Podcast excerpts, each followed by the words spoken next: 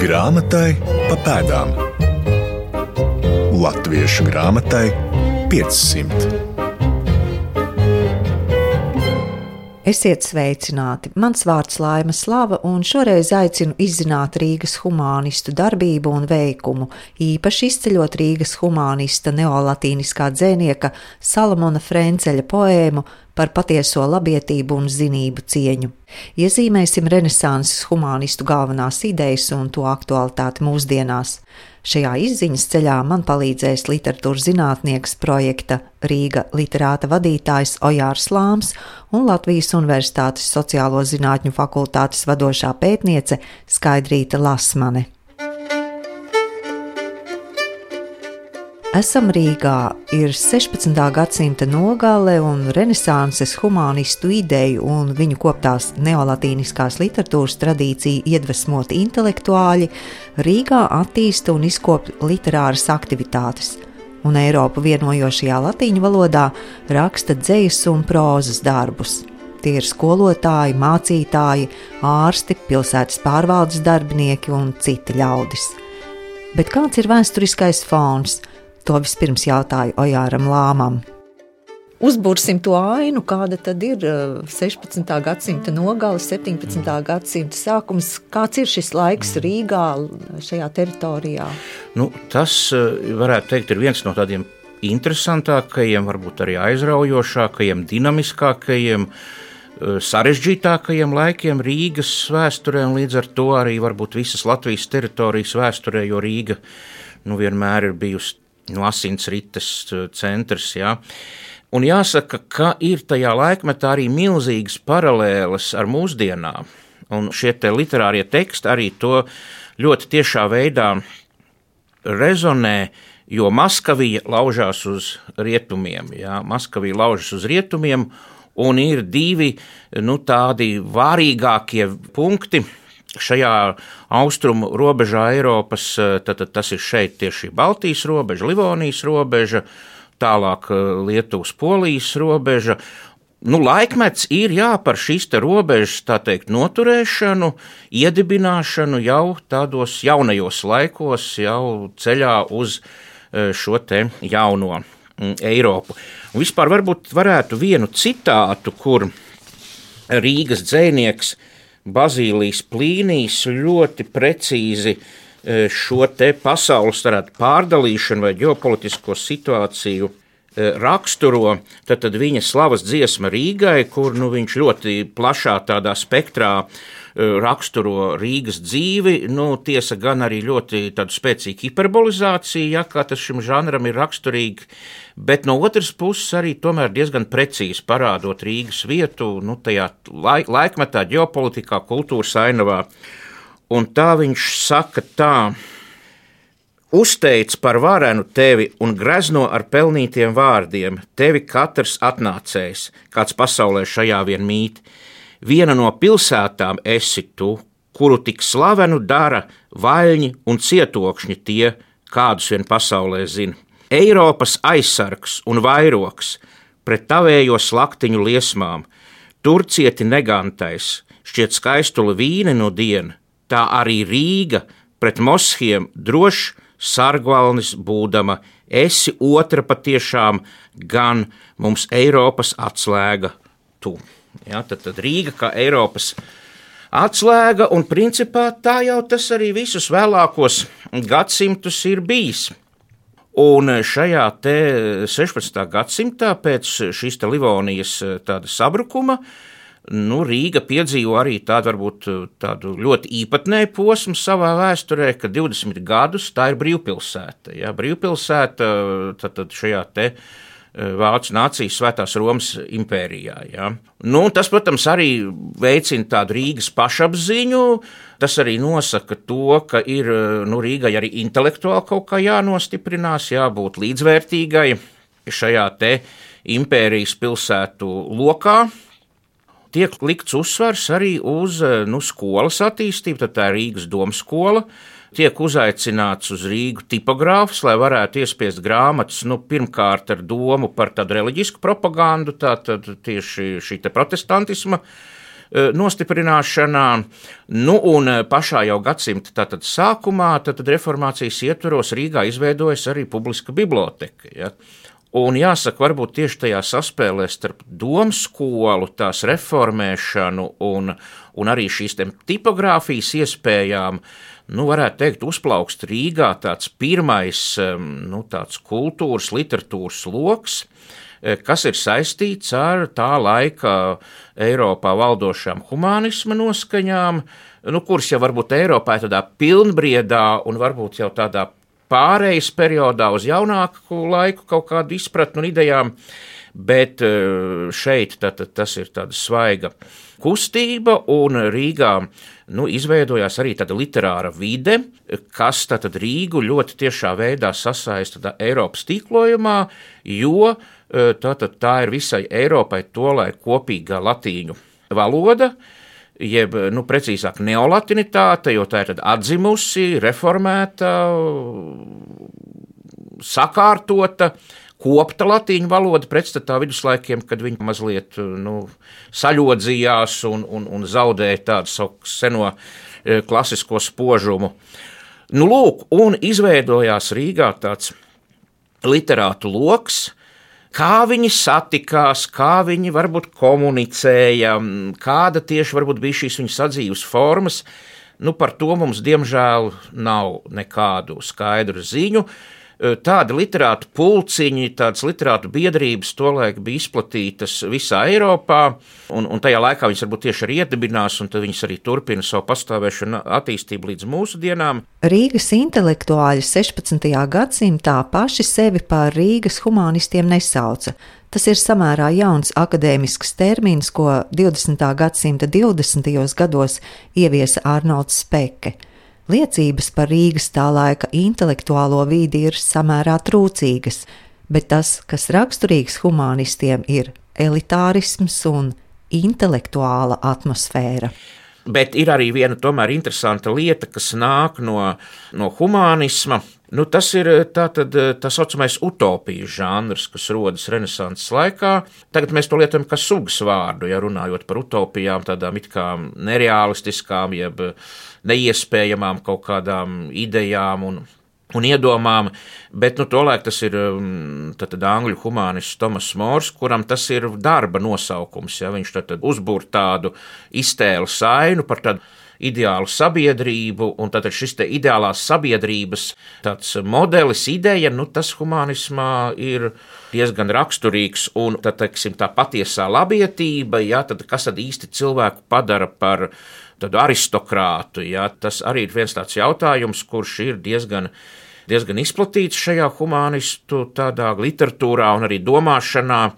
Un tas ir arī tāds pavadiens, kas šo Rīgas humanistu e, saimi saista ar, ar, ar pašiem varbūt pirmsākumiem jau 15. gadsimtā Itālijā, ja, un, un, un tad, tad tas ir šis Salamona Frenceļa darbs, e, poēma par patieso labietību un zinību cieņu. Tas, ja mēs jau runājam par to Rīgas humanistu konkrēto devumu un to, ko mēs varam šodien lasīt, kas ir arī eh, latviešu valodā mm, pieejams.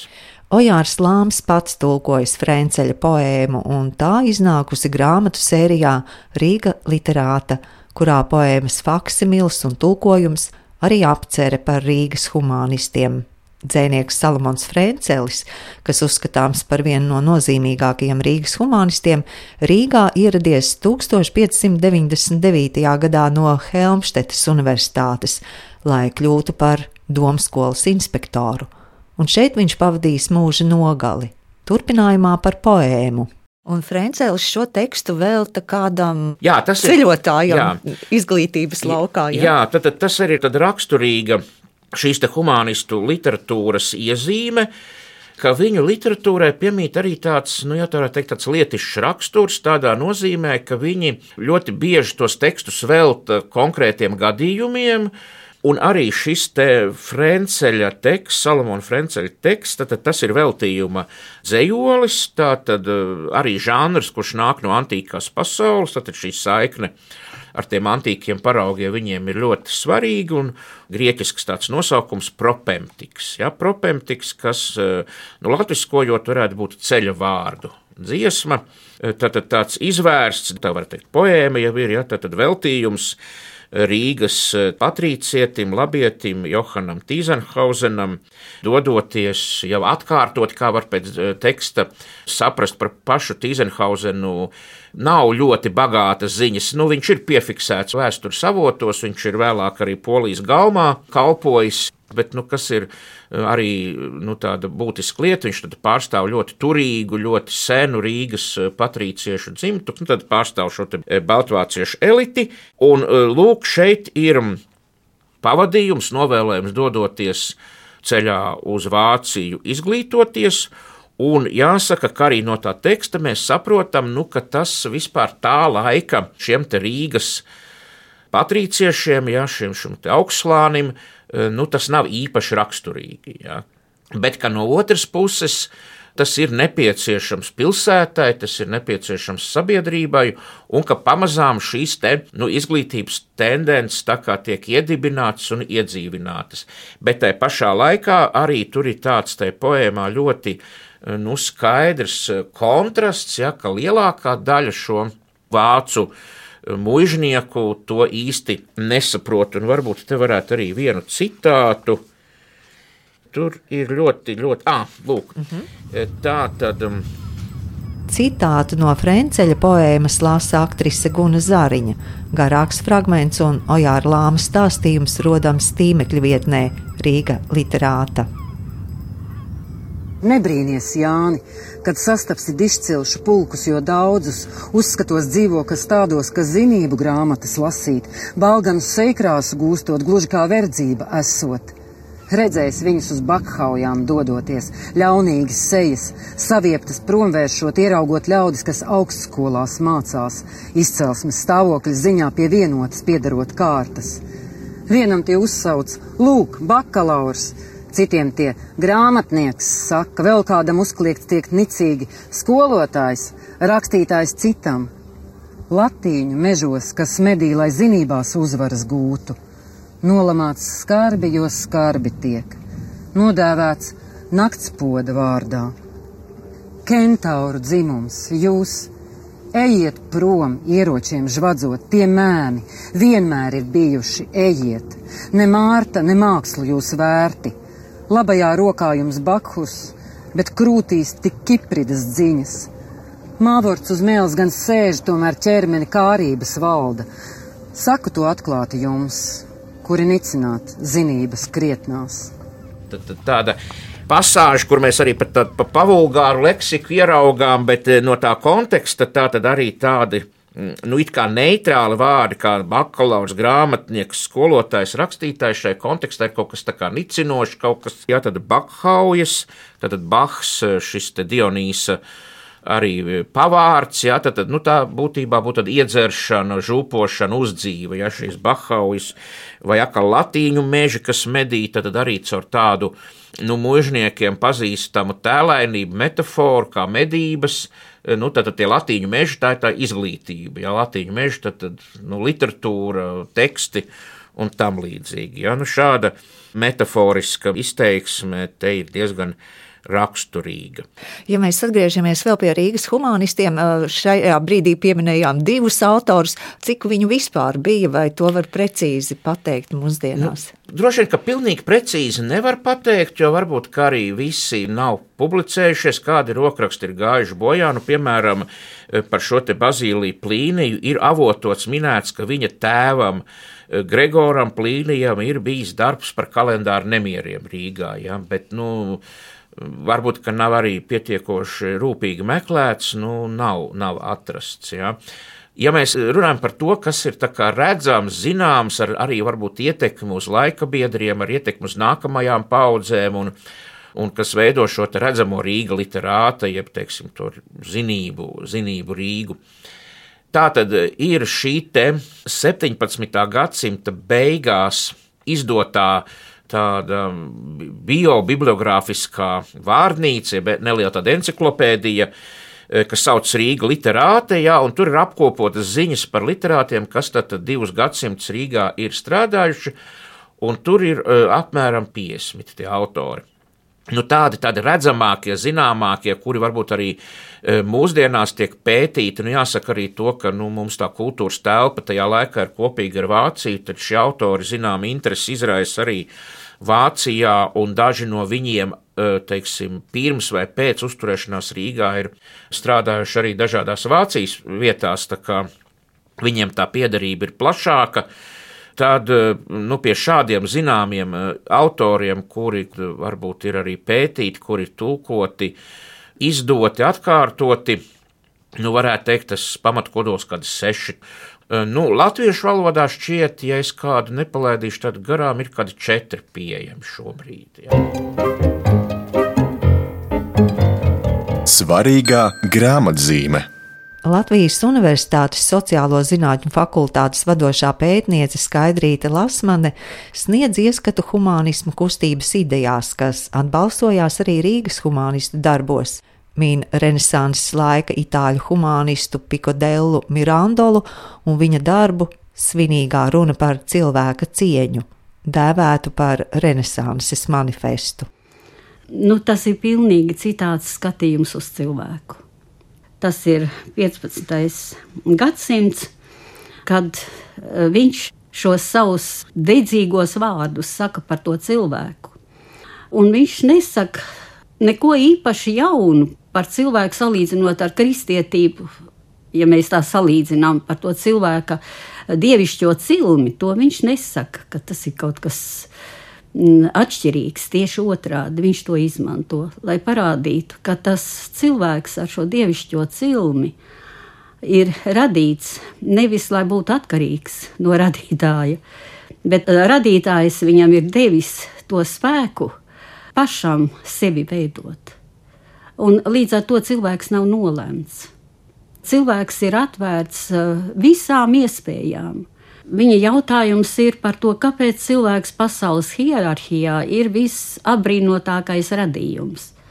Jo visiem humanistiem ir raksturīgs šis apbrīns, cilvēka apbrīns. Kā šajā par cilvēka cieņu teikts par šo uh, visapbrīnotākā radījuma klātesamību pasaulē skaudīgi nevien dzīvnieki, bet arī zvaigznes un pārpasaulīgie prāti tas mazam ieskatam, kā uh, humanisti izteicās, jo viņi nežēloja vispārinošo pakāpi. Jo ceļā uz pilnību šie ceļa vārdi bija vajadzīgi stipri un spēcīgi, un viņi tos deva. Un tad nu, ir runa par šo dievišķo arhitektūru, uh, kura ir veidota pēc noslēpumainiem gudrības likumiem. Un arī brīdinājums cilvēkam, kuram šī lielā iespēja ir dota. Tu vari nolaisties līdz lopa līmenim, bet tev ir dota iespēja arī atzīt par augstāku, dievišķāku būtni, ja tava dvēsele to grib. Tā tad ir arī cilvēki, kuri nolaižas. To humanisti neslēpj. Viņiem ir šis priekšstats par cilvēku nevienmēr šis zvaigžņotais. Jo kāds klīst apkārt maldiem aizķepušām smadzenēm. Nu, tā tad eh, ir jābūt svētai godkārei, kā saka Mirandola, un jāieplūst dvēselē šai svētajai godkārei citēji, lai mēs nebūdam mierā ar viduvējību, tiektos pēc visaugstākā.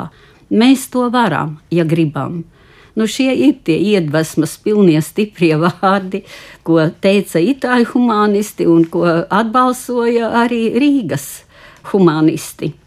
Un šeit ir viena interesanta lieta, ka saņemtu par to visu, kas tev piedāvāts šajā dievišķajā tapšanā, tu saņem cilvēka cieņu.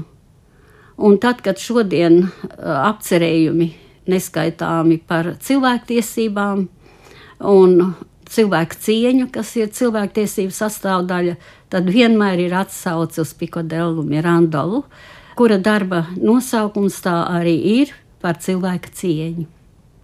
Es domāju, ka tas humanisms, kas Eiropā un kas veidojās ne jau tikai ar, uzreiz ar humanistiem, bet antīkajā kultūrā, kur arī tas cilvēks tika radināts pie šīs uh, tapšanas. Un kādi tik piedāvājumi nebija antīkajā kultūrā kāds tas cilvēka tapšanas projekts varētu būt. Tur bija daudzi projekti, un dažādi projekti, un strīdīgi projekti. Nav tā, ka tas būtu pazudis. Un, ja mēs paskatāmies, mēs redzam varbūt tikai vienu pusi šajā mūsdienu situācijā. Mēs redzam tos baigos kadrus ekrānos ar šiem Krievu armijas uh, darbiem, ja tā tos var saukt, neģēlīgajiem un nežēlīgajiem. Bet uh, ir jau arī otra puse. Un tas, kas aizkustina un kas uh, rada abrīnu šodien, Un tā ir pavisam cita lieta. Moderno komunikāciju iedvesmota droši vien un arī moderno komunikāciju rezultātā, jo bez tām tā nebūtu iespējams. Tas ir šī solidaritāte, šī milzīgā solidaritāte.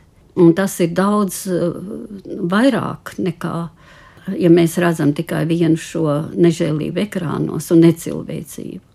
Un tā ir cilvēcība. Nu, katram, protams, ir savi motīvi, kāpēc šī cilvēcība attīstīta, varbūt arī sautīgi, bet vienalga tie ir saprātīgi motīvi un saprātīga darbība. Un tur parādās šī arī gan taisnīgums, kas ar cieņu saistīts, ar cilvēku cieņu, ko prasīja humanisti un ko atveidoja, abrīnoja. Un šobrīd arī daudz ko var apbrīnot un cienīt to cilvēku. To pašu, ko humanists teica, ka tas ir arī lopam līdzīgs. Nu, tādi viņi ir, šie cilvēki. Grāmatai pa pēdām.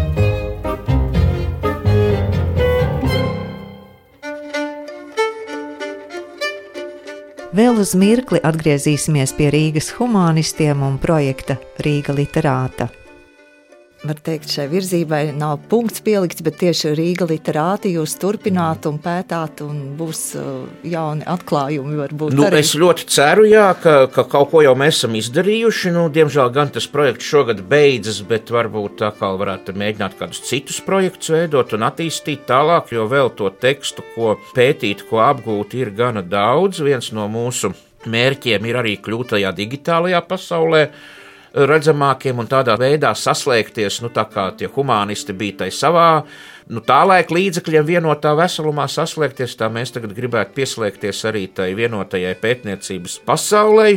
Nu, jāsaka, arī tolaik Rīga gāja varbūt kādus soļus tā nopakaļ tām lielajām uh, tendencēm. Te varbūt nebija tāds nu, pats pirmais priekšpostenis šajā kultūras procesa ziņā, Un tā arī paškritiski jāsaka, ka nu, arī mēs varbūt neesam tādi cēlonlauži, ja tās ir Eiropas kopīgas tendences. Mēs cenšamies kaut ko latviešu tulkot, lai, lai latviešu lasītāji pēc iespējas plašāk, un dziļāk un daudzpusīgāk zinātu mūsu pašu zemes vēsturi.